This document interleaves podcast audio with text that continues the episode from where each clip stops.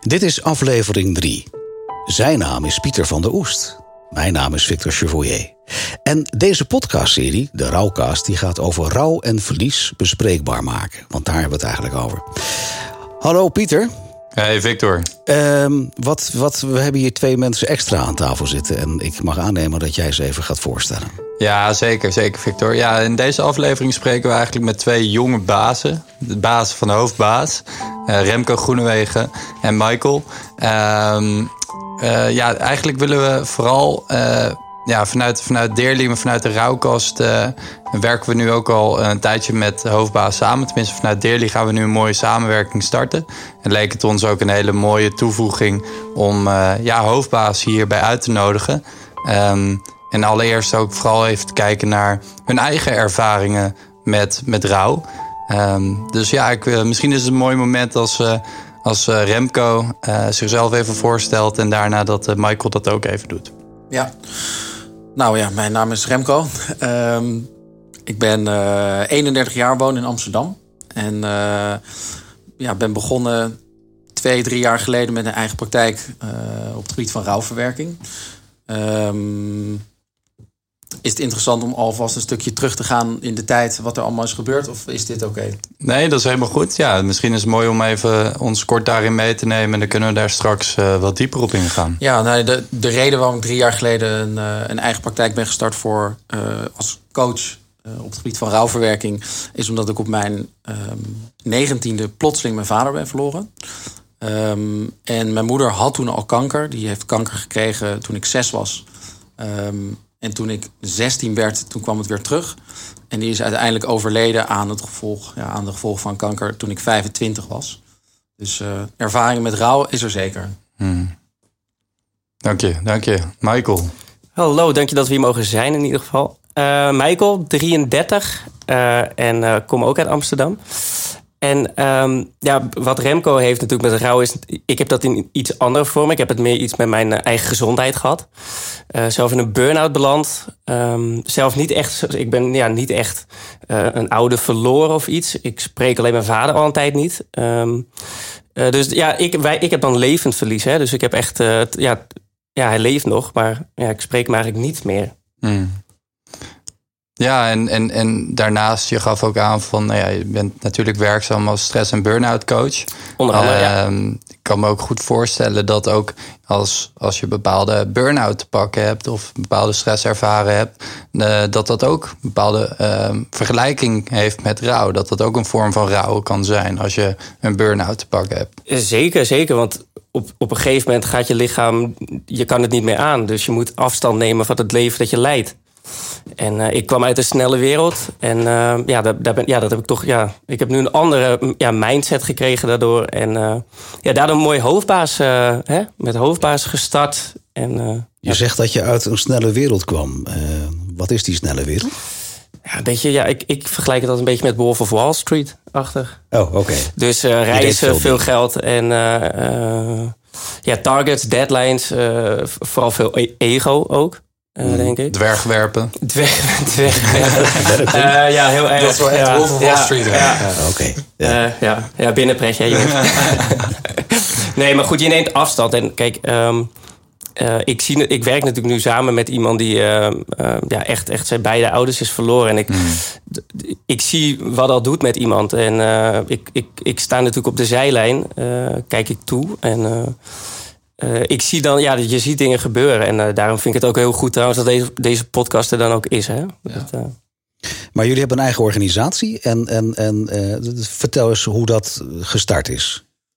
Ja, kijk, wij, wij zijn dus apart gestart van elkaar. We, we, hebben bij elkaar in de klas gezeten in het, op het HBO, sportmarketing, waar we nu totaal niets meer mee doen. Ik maar... zag laatst een foto nog dat wij bier aan het drinken zijn om tien uur uh, s ochtends. Die ja, foto maar... kan ik jullie straks nog laten zien. Ja, ja, sommige dingen vind ik niet geschikt voor de podcast. Het is er één van. Een echte studenten. Ja, studenten. ja precies. Tien uur s morgens aan bier. Daar gaan we even niet over verder. Uh, maar toen, toen kwamen jullie elkaar weer tegen of zo? Uiteindelijk toen, uh, nou, toen ben ik dus die praktijk gestart voor, voor, voor rouwverwerking. En Michael een praktijk voor burn-out, stress en angst en paniek. Okay. Um, en toen kwamen we elkaar tegen op LinkedIn. Toen zagen we berichten van elkaar. We spraken elkaar al een tijdje niet meer. Ja, en op een gegeven moment, ja, apart van elkaar. Volgens mij, volgens mij stuurde jij mij een berichtje. Ja, tuurlijk. Nee, ik stuurde jou een berichtje en ik dacht van... Hey, misschien moeten we een keer gaan sparren. Uh, want op zich was dat toen de tijd... Drie jaar, vier, drie jaar geleden... ook nog best wel apart dat twee jongens dat gingen doen. Hè. Het was vooral veel vrouwen, dus wij dachten wel van... oh, en ik kende Remco al, dus ik dacht... nou ja, goed, misschien even bijkletsen... en kunnen we kijken of we wat samen kunnen doen. Of sowieso over het vak praten. Ja. En uh, ja, zodoende is hoofdbaas er een, uh, drie jaar later gekomen. En vertel eens, wat is hoofdbaas nu? Om het kort te vertellen is het een online en offline coachpraktijk voor mentale gezondheid. Uh, we tikken eigenlijk verschillende thema's aan, waaronder dus rouw, uh, maar ook burn-out, stress, angst, paniek. Uh, we hebben een stukje vergeving. Ehm, we hebben een online training onlangs hebben we gelanceerd. Dat, dat, is, dat gaat echt over stress, angst, paniek, burn-out klachten. Dat is een achterweekse online training die mensen thuis kunnen doen. En we ja, behandelen ook mensen thuis uh, of in de praktijk op het gebied van coaching, dus één op één. Maar dat kan ook offline. En we zien vooral veel jongeren. Dus uh, ja, je kan een beetje zeggen 18, 18, 6, 27. Um, waar wij eigenlijk wel een beetje de doelgroep hebben gekozen. We willen niet zeggen met iemand buiten sluiten, maar we zien ja, die jongeren het meest. Maar het gaat echt, echt om de jongere doelgroep dus. Omdat je daar ook de meeste feeling mee hebt, ja. zou ik me zo voorstellen. Ik denk het wel, ja. Affiniteit, ja, zeker. Ja, en waar, wat, wat wij merkten, denk ik, denk dat dat het sterkste is... wat, wat we alle twee voelden, is dat we weten beide hoe het is om absoluut geen baas te zijn in ons eigen hoofd. Hmm. Uh, ik had dat uiteraard na het overlijden van beide ouders. Michael had dat na zijn burn-out uh, en tijdens zijn burn-out. Um, dus ook heel erg juist in dat stukje ervaringsdeskundigheid. Um, maar kun je even vertellen wat, wat dat voor jou betekend heeft? Dat je geen, geen baas in, in je eigen hoofd was? Wauw, ja, ja dat, dat, dat had bij mij wat gradaties. Dus ik, ik, ik denk dat op een gegeven moment toen mijn moeder weer ziek werd... Uh, waarin je dus wordt geconfronteerd met ziekte, dood, het aftakelen, uh, mantelzorg. Eigenlijk een beetje dat het leven door je vingers glipt dat was voor mij. Ja, dat was natuurlijk ook op mijn leeftijd, 16 tot en met 18. Uh, eh, dat ik eigenlijk bezig wilde zijn met brommers, vrouwen en, en bier. Ja. Uh, en je studie misschien een klein beetje, maar liever niet. Ja, dus, en dan ben je dus bezig met mantelzorg. En dan ben je bezig met uh, zware thema's voor mij op dat, op dat moment. Um, ja, waarin ik ook eigenlijk met niemand er echt over kon praten. Uh, vrienden die deinsten een beetje terug voor het onderwerp misschien. Mm -hmm ja, ik merk dat toch sowieso onder mannen dat het al wat, misschien wat lastig is om sowieso over emoties te praten. Wordt een beetje weggewuifd. En uh, ja, dus geen baas zijn in eigen hoofd is denk ik ook voor mij een stukje heel erg, heel erg zelf willen doen, alleen willen doen. Uh, daardoor juist ook heel erg eenzaam voelen. Um, en voor mijn gevoel misschien een beetje wegzakken in, in verdriet. En daar niet echt mee om weten te gaan. Ja. En, en, en dat is iets wat jullie ook bindt, mag ik aannemen. Ja, zeker. Ja, ja ik bedoel, ik herken me heel erg in het feit dat. Ja, die altijd zo'n masker ophouden. Gewoon uh, de snelle jongen, uh, de dure klokjes om. Uh, maar intens eenzaam voelen. Ehm, eh, ja, weet je, gewoon, gewoon eenzaam voelen. En, en daarin denk ik ook dat de beweging die wij willen creëren met hoofdbaas... is ook juist dat het dat je ook als een jonge, stoere gozer kan zeggen van... joh, ik zit zeker niet lekker in de wedstrijd. En um, uh, dat het ook soms ontzettend kan op, zeg maar gewoon een opluchting is om gewoon eens te zeggen: het gaat gewoon niet zo lekker met me vandaag. En uh, ik denk dat we daar, dat, dat vooral echt de hoofdbaas, uh, dat we daar achter staan, dat we denken van ja, oké, okay, ga er gewoon over praten. Maar dan trek je het eigenlijk breder. Dan zeg je eigenlijk van als ik naar, naar mijn um, leeftijdsklasse kijk, dan is er eigenlijk buiten de rouw om, want wat mm. jij meegemaakt hebt is mm. natuurlijk heftig. Ja Um, maar buiten de rouw om is er überhaupt sprake van eenzaamheid. Is dat zo? Ja, dat denk ik wel. Dat denk ik wel. Ik denk dat ik ook, als ik uit mezelf praat, maar ook de mensen die ik zie, um, ja, heerst dat best wel ook onder jongeren. Gewoon, ik hoor dat vaak. Uh, een meisje van 18, uh, eh, vorige week nog, ja, voelt zich eenzaam, uh, voelt zich niet gehoord. En um, Kijk, we, we kunnen natuurlijk een hele hoop deze tijden. Maar ja, ik denk dat de eenzaamheid ligt op de loer. Ja. En is dat dan ook niet de eenzaamheid in eigenlijk echt laten zien wie je bent? Ja. Dus juist die kwetsbaarheid waar jullie ook die verbinding is ontstaan van beide iets ervaren hebben en die kwetsbaarheid daarin? Kijk, Remco en ik op de studie wij konden dan een leuk biertje met elkaar drinken, maar we hadden nooit met elkaar gesproken over eigenlijk waar Remco tijdens de studie doorheen ging. Terwijl ik hem iedere dag op school zag. En daarin denk ik wel, maar hij zag ook niet het verdriet waar ik mee, uh, want dat liet ik ook niet zien. Maar waar ligt dat dan aan? Jeugdigheid, denk ik in het begin. Maar ook dat het niet, dat het niet in de, het zit niet zo in de opvoeding, denk ik ook vaak. Of, of in de opleidingen. Of er wordt, niet, er wordt gewoon niet zoveel gesproken over. Ja, misschien ook niet kwetsbaar willen zijn. Hmm. Niet buiten de boot willen vallen. Ja. Die hoor ik nog wel eens terug in mijn praktijk. Zodat, ja, als ik dat dan zeg, ja, dan, dan, ben ik misschien het pispaaltje. Ja. En Dus, dus ik denk ook buiten de groep vallen. Dat dat ook heel veel eenzaamheid kan creëren. Hmm. Ja, ja, je hoort het veel. Ja, het, het, is ook iets wat ik. Ik bedoel, ik, heb ook een praktijk hier, zoals je misschien gezien hebt. Dus het is voor mij niet nieuw. Ik zit alleen in een wat andere leeftijdsklasse. Ehm, maar het valt mij wel op dat, dat uh, ondanks de sociale media, waarin we elkaar uh, met Facebook goed op de hoogte houden, hoe geweldig het wel niet is allemaal. Ehm, maar wat we bij de eerdere podcast ook al over gehad hebben, is dat dat ook eigenlijk een beetje fake allemaal is.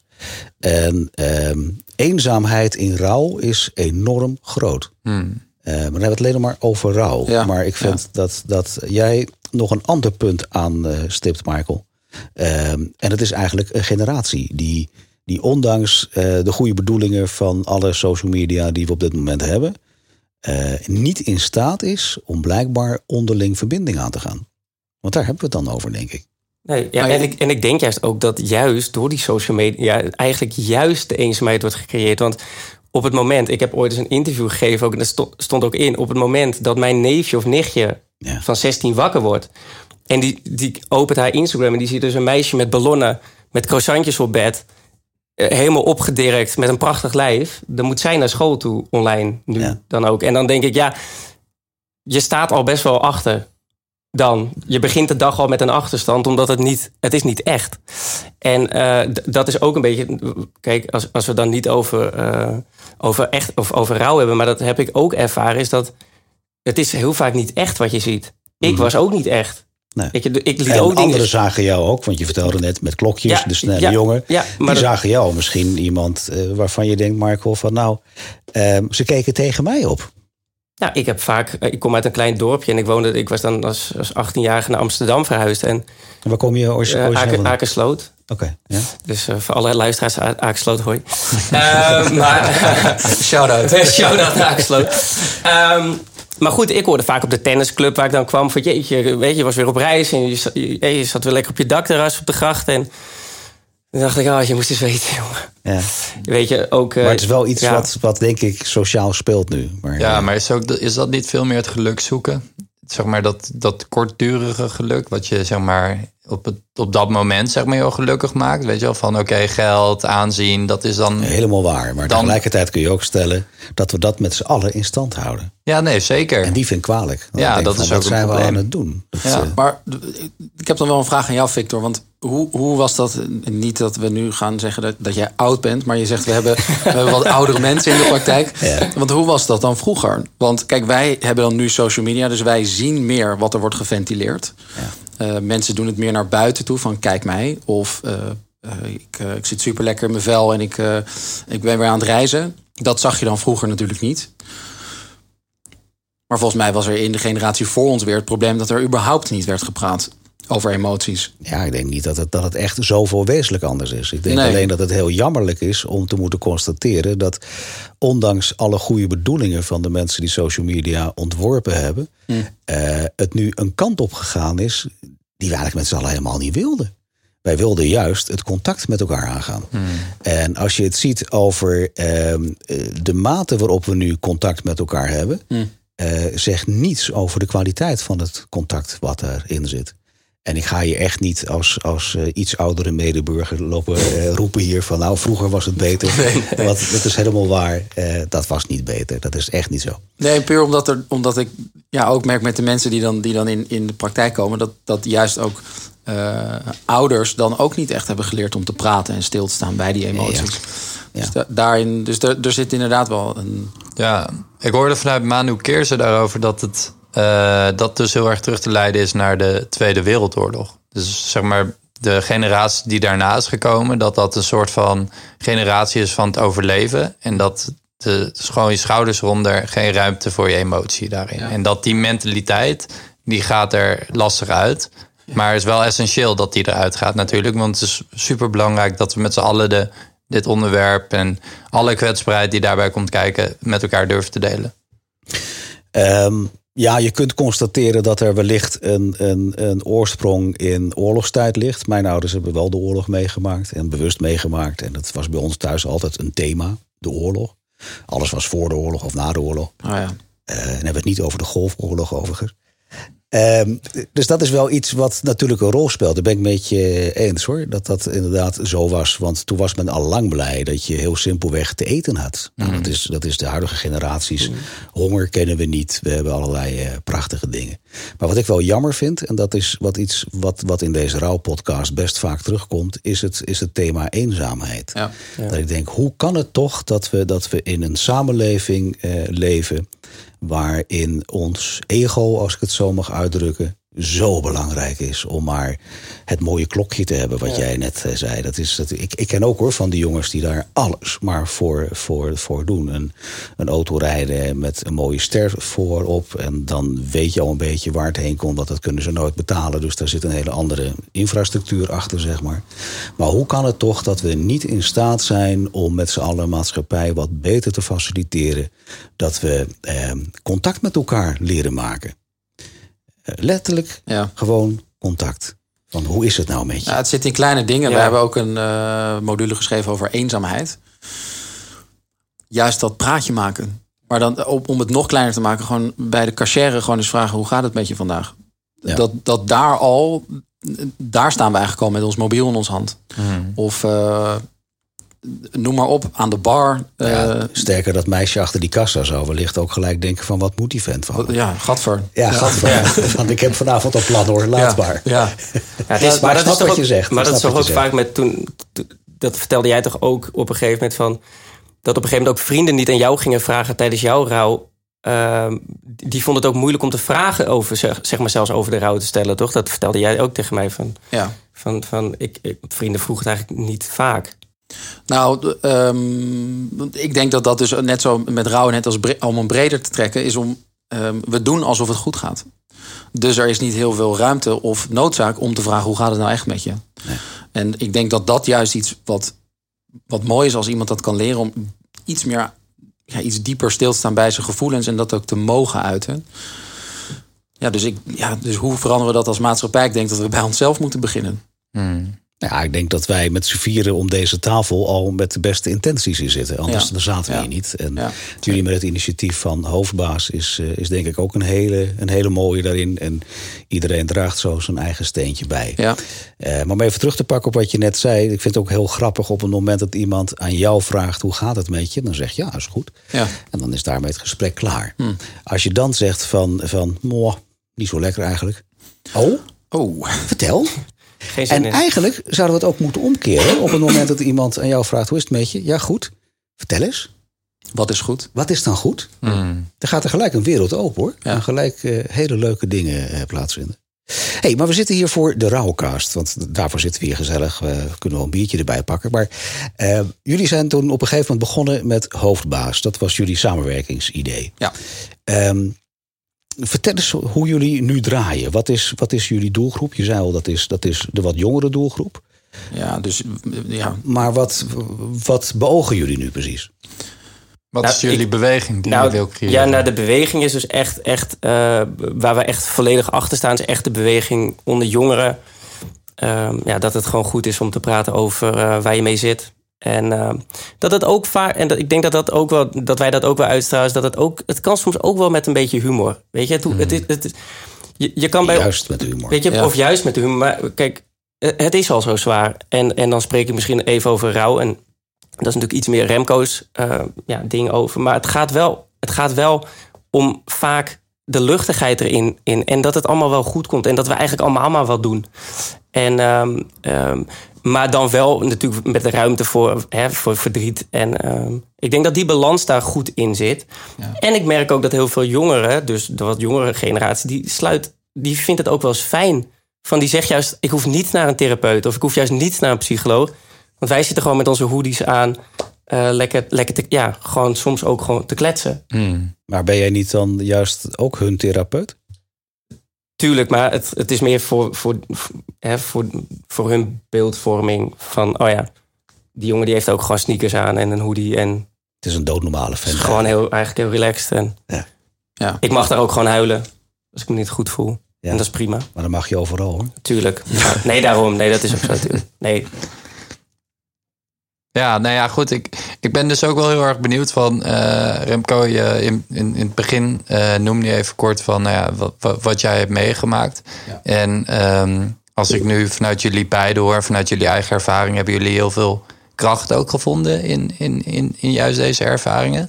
Ehm, wat, wat, wat kan je ons wat meer vertellen over, over jouw rouwproces en hoe, hoe dat is gelopen en hoe, hoe dat ook is ontstaan? Zo, nou, ehm, het zijn ook, eh, ja, wauw. Hoe is dat gelopen? Ja, nee, dat is, dat is wel echt een proces geweest, ja. ja dus, ehm, kijk, het begon natuurlijk bij mijn moeder al toen ik zes was. Toen, eh, toen merkte ik eigenlijk op, als jonge jongen eigenlijk al dat het leven niet vanzelfsprekend is, was. Ehm,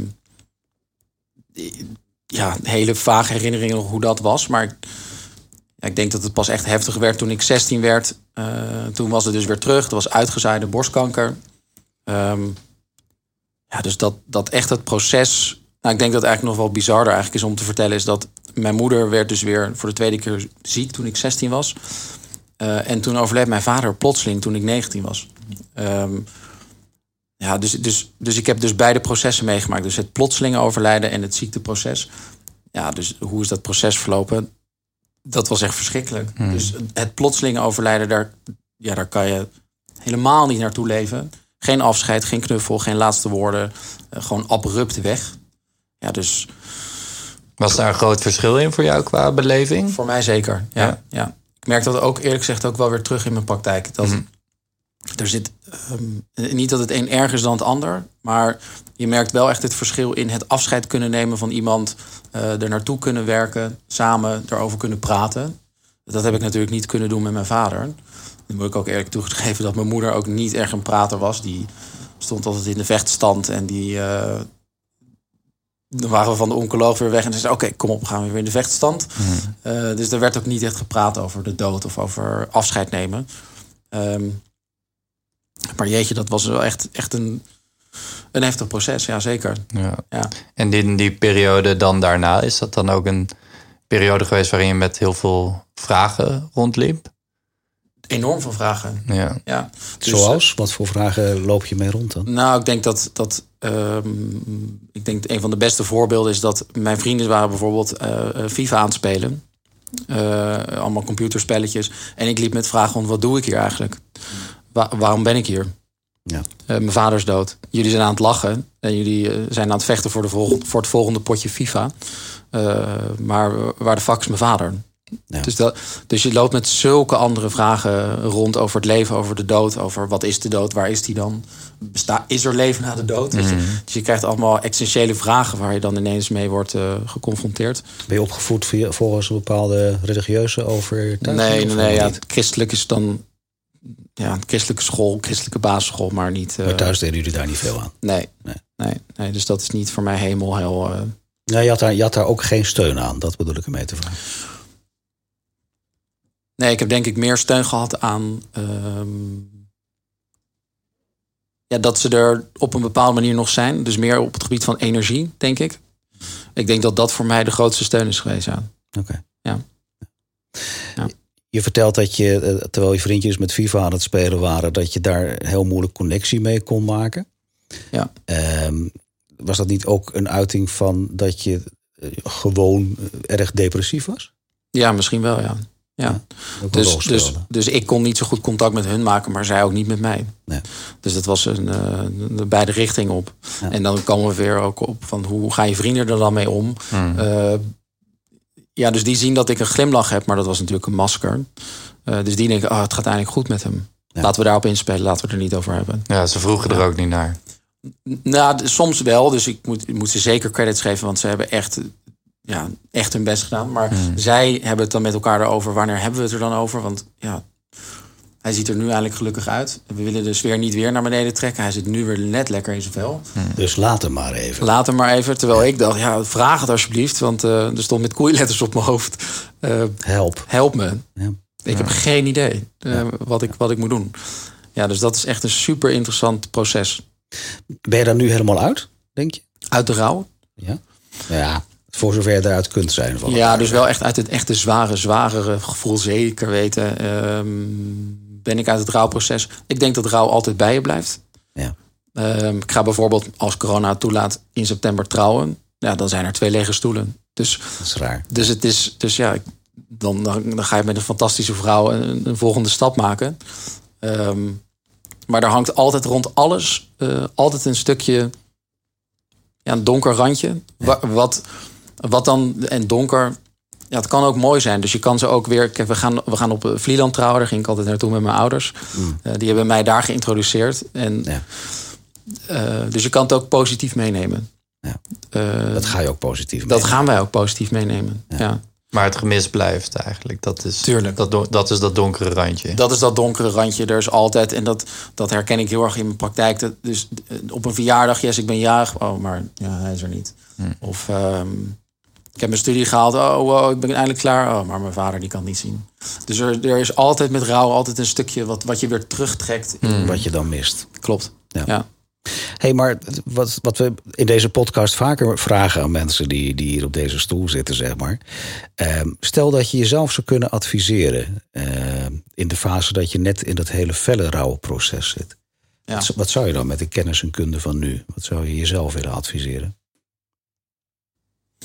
Ja, dus ik, ik denk, ehm, wat we ook met de hoofdbaas willen doen, is praat erover. Ja. Maar ja, er, er moet dus wel ruimte en veiligheid zijn, ook bij iemand om dat te kunnen doen. Ehm, maar ik denk dat het, de, de, het grootste advies is: praat erover. Maar zeg je dan eigenlijk dat wij als maatschappij steeds ja, ehm, het eigenlijk anders moeten inrichten? Dat we zowel voor jongeren, maar ook voor ouderen, hè, als je omroep Max mag geloven, dan, dan is onze bevolkingsgroep die eenzaam thuis zit nog veel erger. Wat we eigenlijk alleen maar moeten doen, is, is faciliteren dat we zonder de kroeg in te gaan, op een normale manier met elkaar leren communiceren. En normaal met elkaar leren omgaan. Normaal leren vragen: hoe is het nou met je? En dan ook te luisteren. Praten Dat is wel en- voorwaarde, Ja, dat is wel Pieter. vaak wel handig. ja. Ja, oké, ja. maar het gaat denk ik wel essentieel dat we ook allemaal meer leren luisteren zonder dat we met een oplossing willen komen. Daar snap ik bijvoorbeeld Ja. wel grappig. Zegt mijn vriendin ook altijd. 100% eens hoor. Want, want de, de, ehm, als je, vooral als je met zo'n zwaar verhaal komt. Ja. En moet ik zeggen, ook zeker in dat begin, dan, dan, ja, dan hangt er gewoon echt een vibe om iemand heen. Dus om mij heen. Eh, die gast die is net eh, zijn ouders verloren, er hangt een vibe omheen. Natuurlijk. Dus, en je wilt dan iemand helpen. ehm, je wilt het fixen. Maar ja, dat is niet te fixen. Dus, dus er is niet, diegene is niet terug te halen.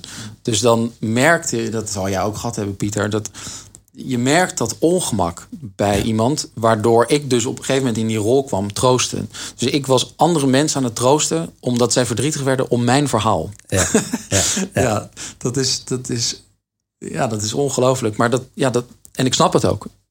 Ja, want wat kun je dan tegen die mensen zeggen? Dat, dat zij ook vanuit hun beste intentie op dat moment met jou bezig zijn. Dus dat Precies, is, het is ook een gevoelig thema natuurlijk. 100 procent. Ja. Ja.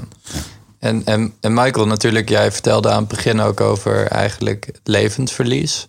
Eh, het niet contact meer hebben met je, met je vader.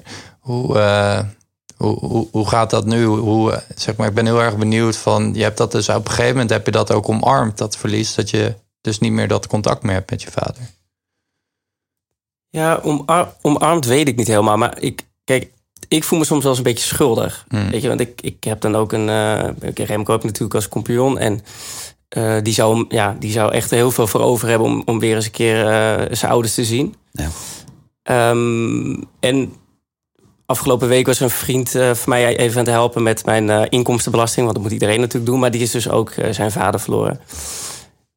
En toen hebben we daar best wel voor het eerst eigenlijk een goed gesprek over gehad. Ehm, dat het eigenlijk best wel zo'n groot contrast is, weet je wel. Dat, dat, dat, dat, is het schuldig voelen niet? Is het ongemak? Weet ik ook niet. Het is ook verdriet natuurlijk bij mij. Want ik, je kiest er niet voor als kind om geen contact met je vader te hebben. En ehm, ehm, Waarom heb je geen contact met je vader? ja, dat is, dat is, het, het, het is, het- het boterde niet. Dat, is misschien, dat zeggen misschien wel meerdere mensen. Maar het was, ik voelde me niet helemaal veilig. Ehm, ik heb zelf gelukkig wel, misschien is dat ook een mooie aanhaken... maar wel vergevingstraining bij Willem Glaudemans gehad daarover. Ook om te kijken van, hey, neem ik dit niet mee voor later... en, en, en, en ga ik hier niet uh, mee rondlopen. Maar dit is natuurlijk ook rauw, want ik spreek me eigenlijk, eigenlijk niet meer echt... vanaf dat ik 22 ben. Dus dat is natuurlijk al een hele lange tijd... Um, dus ja, ik bijvoorbeeld ook, bijvoorbeeld, hè, ik weet ook niet hoe, uh, hij heeft ook nooit geweten dat ik mijn studie heb gehaald. En, en dat zijn natuurlijk ook van die dingen dat ik denk van, en daar lopen ook heel veel mensen tegenaan. Um, dus de enige is wat ik denk, ja, kijk, het is praten, maar soms houdt praten op. En um, ik, ik denk wel dat als je, als je echt intern het gevoel hebt dat, dat je wel echt alles aan hebt gedaan, ja, dat je dan op een gegeven moment inderdaad dus ook moet gaan rouwen. En um, ik, ik, weet je, ik heb dat, ik, dat zit bij mij ook nog. Uh, gisteren hebben we er nog een gesprek over gehad. Uh, dat ik dacht van ja, um, ik weet dat zijn gezondheid niet super goed gaat. En dan, dan zijn dat wel van die dingen dat je denkt van ja. Raakt je dan wel? Ja, tuurlijk. Ja, tuurlijk. Ja. Want het is, niet dat je, het is niet dat je niet meer van zo iemand houdt. Ik bedoel, ik hou nog steeds van mijn vader. En dat heeft misschien ook wel geholpen in de therapie die ik daarvoor heb gevolgd. Um, alleen, alleen soms haal je er gewoon niets meer uit. Dus, dus je kan wel van iemand houden, maar dat, ho dat hoeft niet te zeggen dat je, in, in, dat je met elkaar kan communiceren. Um, dus ja, dat is natuurlijk weer een heel. Dat is natuurlijk ook rauw. Hmm. Mm. En, um, um, en ik, ja, daar lopen denk ik ook veel mensen tegenaan. Hè. Die wilden niet over praten. Ik, ik, ik, ik heb daar ook een masker uh, uh, mee opgezet van. Uh, ah joh. Praat er gewoon niet over. Nee, ik denk, ja. nee, het was meer verdoven en keihard werken. Maar betekent dat ook niet dat jij eigenlijk een keuze gemaakt hebt ook van um, um, om aan je rouwproces toe te kunnen komen, dat jij voor jezelf gezegd hebt van ik wil geen contact meer. Want anders blijft het half openstaan, lijkt mij. En dan hoef je ook niet te gaan rouwen, ben je alleen maar aan het uitkijken wanneer het contactmoment hersteld zou kunnen worden. Ja, dat is, dat is, ja, denk het wel, inderdaad. Volgens mij sla je daar de spijker kop. Ja, dat denk ik wel. Ik heb op een gegeven moment besloten van als het, als het voor, voor mij constant weer, hè, dan ben je, als het dan weer verdriet oplevert als je wel contact hebt. Ja, dan denk je op een gegeven moment, ja, dan, is, dan moet je ook op een gegeven moment gewoon ook wel zeggen van ja, ik kies eieren voor mijn geld en het is gewoon goed zo. Um, ik, heb, ik, heb, ik heb een superleuke stiefvader. Um, ik, met mijn moeder gaat hartstikke goed, goede band mee. En ik heb gewoon hele goede vrienden om me heen. En, en, en, en de liefste vriendin. Dus ja, weet je, dus ik heb heel veel liefde om me heen. En ik heb maar heb je wel je vader kunnen afsluiten? Ja, dat denk, dat denk ik wel. Alleen nu, omdat ik weet dat zijn gezondheid niet zo lekker gaat, dan komt hij wel weer even terug. Ja. En dat komt gewoon, eigenlijk is het wat, eigenlijk wat het is bij mij, stapt iemand uit zijn grafkist. Hmm. Nou, en dat, dat kan natuurlijk in het echt niet. Voor je gevoel is hij dood eigenlijk. Dan. Nou ja, dat klinkt heel grof, want ik ja. gun hem echt het beste. Hè? Maar uh, uh, uh, misschien wel een klein beetje met mij. Ja, volgens ja, mij wel. Contactdood. Hij is contactdood, ja. Dus um, ja, dat is, dat is, dat is ook een, een lastig thema. Um, uh, ja, waar je toch uh, op een gegeven moment ook je weg in moet vinden. En, uh... Nou ja, het lijkt een beetje, of jullie daar bekend mee zijn, maar dat de pijn die mensen ervaren van iemand die vermist is, schijnt nog veel erger te zijn als dat iemand die dood is. Ja, Omdat dus... je daar altijd een halve deur open blijft houden. Ja, het niet afsluiten. Het niet mm. kunnen afsluiten. Ja. En ja. Dat, dat proef ik bij jou ook een beetje. Uh, in die zin dat je ook nog de verantwoordelijkheid voelt dat je het ook eigenlijk een beetje in eigen hand hebt. Van ja, maar ik kan misschien nog wel dit of misschien nog wel dat. Speelt dat nog een rol? Dat je soms wel eens overweegt van ja, misschien bij uh, met een juiste begeleiding of dat iemand eens met mijn vader gaat praten en daar iets kan neerleggen. Misschien kunnen we toch nog wat. Ja, ik, ik, ik, vind dat dat blijft gewoon een heel lastig iets. Want ik bedoel, dat is voor mij iets wat ik, waar ik misschien ook eigenlijk nog helemaal geen antwoord op heb. Um, dat, dat weet ik niet. Het enige dat ik, wat ik weet is dat, dat als we in contact zijn, dat dat niet helemaal lekker gaat. En um, dat ik hem voor de rest wel een hele toffe gozer vind. Uh, tot, tot, alleen, ja, soms is, zit er een heel groot verschil in tussen een leuke man zijn en een goede vader zijn. Ja. En um, daarin zijn we misschien ook, hè, we zijn Indisch, dus we zijn ook misschien wel een beetje uh, trots. Trots volk is het vaak. Um, maar goed, kijk, het, ik, ik weet niet en ik sluit ook helemaal niet uit dat dat nooit meer gaat gebeuren. Maar ja, voor nu is het al uh, ruim tien jaar niet. Dus, um... Nee, dat snap ik. Maar als je het hebt over rouw, want daar gaat deze podcast over, ja. dan, dan ben je aan het rouwen om iets wat niet meer is. En ook echt never niente nooit meer gaat komen. En dat never niente, dat is bij jou niet zo het, het geval. En als ik je dan ook hoor zeggen van ja, hij kan nu wel een beetje ziek zijn en dan, dan doet me dat wel wat. Dan denk ik, ja, maar dan denk je er dus ook over na van hoe ga ik reageren straks op het moment dat hij er echt niet meer is. Hoe ga ik dan daarop acteren? Ja, dat is een beetje de vraagstelling. Nee, en dat is, maar dat is ook zeker. En dat maakt het denk ik ook altijd zo moeilijk aan uh, uh, levend, uh, levend Ja, precies. Dus dat, dat is een heel ander verhaal. Want dat maakt het zo moeilijk, omdat daar is dus wel wat als en wat kan ik nog? En, er zitten keuzes. En, en dus eigenlijk wat je vaak komt ook bijvoorbeeld, dat zie ik dan bijvoorbeeld met mijn cliënten, is dat heel vaak stress komt uit iets als ze geen antwoord hebben. Dus ook al is een boodschap negatief, dan, vaak, dan vaak is het wel. een tentamenuitslag. Ja. Nou, ik weet dat zelf ook. Ik vond het verschrikkelijk om te wachten op de uitslag. Had ik een vier. Ja. Oké, dan weten we dat. Ik wist dat ik een vier had en ja, weer herkansing. Nou ja, dus dat, maar dat was dus wel altijd... Uh, dus dat inderdaad, dat maakt het wel een beetje uh, lastig. Of dat maakt het heel lastig. Um, maar dat is een proces wat ik dus inderdaad uh, ja, zelf moet gaan oplossen. En ook gaan kijken van ja, hoe ga ik daarmee om? Um, ja. Hmm. En, en als je het hebt, want uh, zeg maar, vanuit mijn eigen ervaring weet ik dat het voor mij heel erg heeft geholpen om ook veel herinneringen op te halen. Veel stil te staan bij het verlies. Maar ook nieuwe herinneringen te maken natuurlijk. Um, hoe, hebben jullie voor jezelf bepaalde rituelen of bepaalde momenten waar je vaak naar terug gaat uh, in, in, in je rouwproces? En ik ben ook heel benieuwd hoe je, als je eigenlijk dus nou, ervoor hebt gekozen om ook geen contact meer met je vader te hebben. Dus heb je dan nog herinneringen? Hoe, hoe gaat dat? Nou ja, dat is dus, kijk, dat, dat heb ik zeker. En ik heb ook best, best leuke herinneringen hoor. Dat is, het is niet uh, alleen maar ellendig geweest. Um, dus nee, ik heb zeker nog wel af en toe dat ik wel moet lachen. En ik bedoel, ik heb ook wel, uh, ik, ik, betrap me erop met heel veel dingen. Bijvoorbeeld gitaar spelen en hoe ik zit en ook hoe ik praat met mijn handen. En er zijn allemaal wel, ik zie wel dat ik zijn zoon ben. Hmm. En um, in het begin wilde ik daar niets van weten. Um, maar toch zelf heb ik inderdaad ook een proces door, uh, ja, doorgelopen om ook te kijken van hoe ga ik hier het best mee om. Um, en moet ik, soms betrap ik me daar dus op. Dat ik denk, oh ja, ik zit ook echt met hetzelfde bekkie, weet je wel, gitaar spelen. En, dat is dan, en dan denk ik, ja, ja, kijk, boos zijn, dat werkt ook niet helemaal. Hè? Dat, dat, dat, dat, is, dat, is, dat is alleen maar ellende.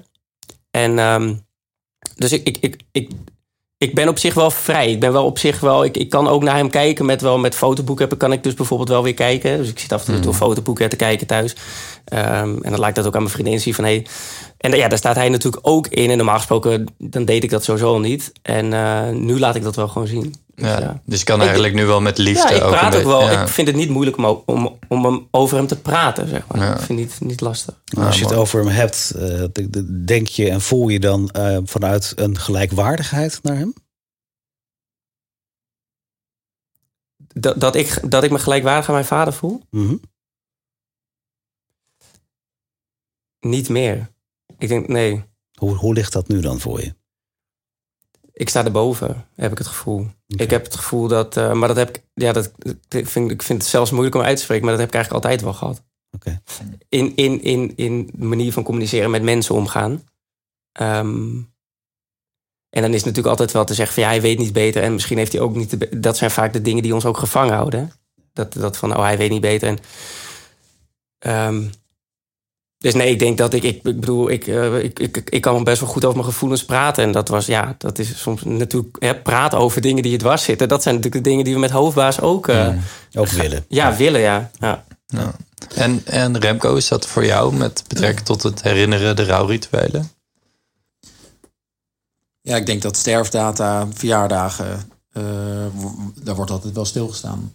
Hm. Um, ik heb bijvoorbeeld ook twee tatoeages laten zetten. Oh, ja? Als we het over herinneringen hebben. Dus uh, mijn moeder die was echt mega fan van olifanten. Um, en ik heb naast mijn hart een olifantenkop laten zetten. En mijn vader kon heel goed tekenen. En die had op een gegeven moment voor mij een soort van, van die praying hands. Heeft hij voor mij getekend. Uh, en die heb ik toen op mijn rug laten zetten. Uh, toen ook in de uitvaart gezegd, je zal voor altijd op mijn schouders zitten. Hmm. Maar ik denk als we het over wat kleinere dingen hebben. Ik, op de verjaardag van mijn vader uh, drink ik altijd een cognacje. Uh, en er wordt ook gewoon altijd wel over ze gepraat. Dus ze zijn er nog. Hmm. Uh, ik denk dat dat heel belangrijk is als het gaat over herinneringen ophalen. Is dat ze, ze leven nog. In mijn herinnering, maar ook in de herinnering van familieleden, van vrienden. Hmm. Dus ik denk dat dat een wezenlijk belang is om inderdaad herinneringen op te blijven halen. Ja. En dat je ook merkt dat op een gegeven moment de scherpe randjes ervan afgaan. Dus dat je over ze kan praten. Oh, weet je nog wat Chris toen laatst... Of laatst is het niet meer, maar wat, weet je nog wat Chris toen zei? Ja. Of eh, eh, weet je nog hoe, hoe je moeder altijd kon lachen om, om deze grapjes of zo? Ja, ze Of- levend houden ook beetje. Exact, Ja. exact dat. Ja, Ja. want, al- want ze zijn dus lichamelijk overleden... maar dat betekent niet dat ze, dat ze in herinnering dood moeten zijn. En is dat anders geweest voor jou? Ja, misschien in het begin, omdat, omdat je in het begin eh, de pijnlijke dingen herinnert. Hmm. Daar merk ik dat dat op een gegeven moment wordt dat wat milder. Dus dan, kijk, eh, mijn moeder was natuurlijk ontzettend vermagerd. Eh, dus die was een derde van wat ze was, lichamelijk. En mijn vader, die heb ik geprobeerd te reanimeren. Dus dat, dat beeld, dat was mijn herinnering. Ehm, maar op een gegeven moment dan hebt dat wat weg. Krijg je daar wat meer ruimte voor. Heb ik ook EMDR-therapie voor, voor, voor gehad destijds. En dan merk je dat door erover te praten, door het aandacht te geven, door het een plek te geven, dat op een gegeven moment ruimte ontstaat voor mooie herinneringen. En inderdaad, wat jij zegt, eh, foto's kijken. Eh, fotoboeken opslaan, wat Michael zegt. Fotoboeken van vroeger. Ja, hartstikke belangrijk. Je hebt toch ook die kist nog met al die kle- kleding en zo? Dat, dat, dat- Eens. Ja. Ja, ja. Ja. zeker. Dat, dat raad ik ook altijd mensen aan die bij mij komen. Is om, eh, ehm, om het makkelijker te maken op het moment dat je verdrietig bent. Om een plek te creëren. Dat kan met een fotootje en een kaarsje. Maar dat kan bijvoorbeeld... Ik heb dan een, een kist thuis staan. Een Een soort van altaar. Ja, en dan, daar staat dus een foto op en een, en een, en een kaarsje inderdaad. eh, met hun foto. Maar daarin zitten hun kleren, hun sleutels, de laatste lippenstift, de laatste sigaar. Ja, noem maar op alles wat je maar kan verzinnen. Zit stem. daar voor jou ook nog letterlijk een geur aan? Letterlijk een geur aan. Ja, precies. Ja, ja. Ik moet zeggen dat dat wel een interessante geur is, want eh, op een gegeven moment... Wel... sigaren, Ja, die sigaren. Nee, ik ga er geen oordeel aan geven, maar... Dat, Ik vraag gewoon naar de geur. we niet. Nee, nee, nee. De geur, de geur was. ehm, eh, nee, maar daar, daarom begin ik op deze manier over. Omdat, kijk, eh, een, een, een lichaam dat, dat, ja, dat gaat op een gegeven moment wat ruiken. Ja. eh, als, als dat is gestorven. En toen dacht de beste vriend van mijn moeder van. Ah ja, daar flikken we toch wat lavendel overheen. En die gooide. Dus lavendel is dus een geur die ook in die kist zit. Wat mij herinnert aan dat, dat stuk. Ja, ja, ja, ja. dus. Nee, geur zeker. En van mijn moeder bijvoorbeeld, eh, die had van die kapjes op een gegeven moment op, van die, van die hoofddoekjes, omdat ze daar, daar haar af was. En, en als, je, als ik daaraan ruik, dan ruik ik haar nog Ja, precies. Dat is een hele specifieke Bizar. eigen lucht. Ja, Ja, ja, ja. Ja. is thuis. Ja, ik hoop het niet, want dat was een beetje de laatste fase. Eh, ja, maar ik bedoel gewoon moeder. de geur van jou, van jouw moeder. Zeker, zeker. En er zit ook een, een, een parfum, eh, nog een heel klein laagje parfum zit er nog in van haar. Mhm. Ja, als ik dat ruik, dan, dan, Ja. dan, dan ben ik er weer. Ja, zeker. Ja, geur doet veel. Ja. Ja, waardevol. Ja. Mooi. Ja. Dank jullie wel. Ik, eh, ik, ik zie jou nog wat. Ja, ik had, ik had nog wel één, eh, één Ja, laatste mag, vraag. Ehm, want eigenlijk als ik jullie hier beiden zo zie... en we kennen elkaar al een tijdje nu... eh, eh, Remco wij elkaar iets langer... maar ehm, vind ik het vooral ook heel erg mooi om te zien... hoe veerkrachtig jullie ook beide zijn... in, in, in, het, in het verlies wat jullie hebben meegemaakt. Jij hebt natuurlijk een burn-out... maar ook de situatie met je vader. Jij je bouwde, beide ouders. En daar hebben jullie eh, je levensmissie van gemaakt nu. Om met hoofdbaas daar dus een beweging in te starten. Ehm, wat, wat zou je nu, zeg maar, eigenlijk als je nu nog voor jou dan specifiek, als je nu iets tegen je ouders zou kunnen zeggen, wat zou jij dan, weet je, of vanuit ook een beetje die kracht die jij nu voelt, zou je eigenlijk met je ouders willen delen? En, en misschien aan jou meer de vraag van wat zou jij met mensen willen delen die zelf ook een bepaalde vorm van levend verlies eh, gaan doormaken? Wat, ik ben benieuwd naar jullie. Mooie vraag. Jullie, eh, Dus de vraag is concreet wat ik nu vanuit mijn huidige situatie zou zeggen, zou willen zeggen. ja, tegen, je mijn ouders. Ja. Het is goed gekomen. Ik denk dat dat. Mijn moeder was doodsbang eh, dat het niet goed zou komen. Ehm, want die zag natuurlijk dat verdriet na het overlijden van, van haar man, van mijn vader. Ehm, dus wat ik tegen hun beiden zou willen zeggen is: het is, het, het, het is goed en het gaat goed. Ja. ja. Ondanks wat er gebeurt, het komt goed. Dus daarom denk ik ook dat woord veerkrachtig. Ik denk dat dat, Mm, dat geldt in iedereen. absoluut. Dus misschien papa, mama, ik heb, ik heb die veerkracht gevonden. Ik denk dat dat misschien wel. Ja. Ja, mooi. Dankjewel. Heel Ja. mooi. Wat ik wil zeggen, ik denk sowieso wel praat. Wel, wel, probeer wel te praten. Want dat, kijk, ik bedoel, ik weet dat ik heb gepraat en, en het lukt niet. En, maar ik heb er wel, denk ik, echt alles aan gedaan. Snap je? Ik heb wel echt. Maar heel vaak met ruzies is het vaak gewoon praat eerst. Hm. Voordat je niet meer met elkaar omgaat. Of, dus ik denk dat het, het ook het kwetsbaar opstellen, ook, ook zeggen wat het. Ik zeg altijd tegen mijn cliënten, zeg ik altijd kort, krachtig en houd bij jezelf wat het met jou doet. Dus ik zeg altijd gewoon van, ik heb verdriet gehad omdat dit en dit. En maak het niet veel moeilijker dan dat het is. Eh, houd het simpel. Weet je, wees kwetsbaar, houd het simpel, kort, krachtig. Mooi. En ehm, eh, voor alle mensen bij wie. Kijk, en ook wat ik ook, wat, wat misschien nog ook wel een, een mooie toevoeging is, is dat eh, bij vergeving. Vergeving is een intern proces. Het, is Mhm. niet, het is niet, je hebt de ander niet nodig. Dat denken we vaak. En het, het, het, wat het mooie is van, van eh, vergeving is dat ik met mijn naar mijn vader best wel met, met veel liefde kan kijken. Maar ik spreek hem niet. En soms is dat gewoon prima. Ja. Soms is dat gewoon Is, het, is de keuze die jij Dan zelf is dat een keuze en ja. is dat goed. Ja, mooi. Snap je? Ja. Dus het is niet, het is niet vaak. Je, je kan voor iemand liefde voelen, maar je hoeft niet, de contact hoeft niet te worden hersteld. Ja, en daarmee snij je eigenlijk ook wel een mooi onderwerp aan voor misschien een vervolg eh, podcast. Is ook eigenlijk de, de keuze die je zelf hebt en de controle die je zelf kan nemen of de controle die je weggeeft. Zeker. Maar eh, daarover later meer dan. Zeker. 2.0. 2.0. De regie die we dan krijgen. ja, dankjewel. Ehm we hadden op bezoek Remco Groenewegen en eh Marco Hilkema van Hoofdbaas. En eh, voor de mensen die, die pas veel te laat horen wie wij zijn... nou, dat is Pieter van der Oest, die zit aan de overkant. en eh, ik ben eh, Victor Chevoyer. Dit is eh Rauwcast, een aflevering op praatkast.nl. Dank jullie wel. Yes, dank jullie wel. Dankjewel. Dank jullie wel. Doei.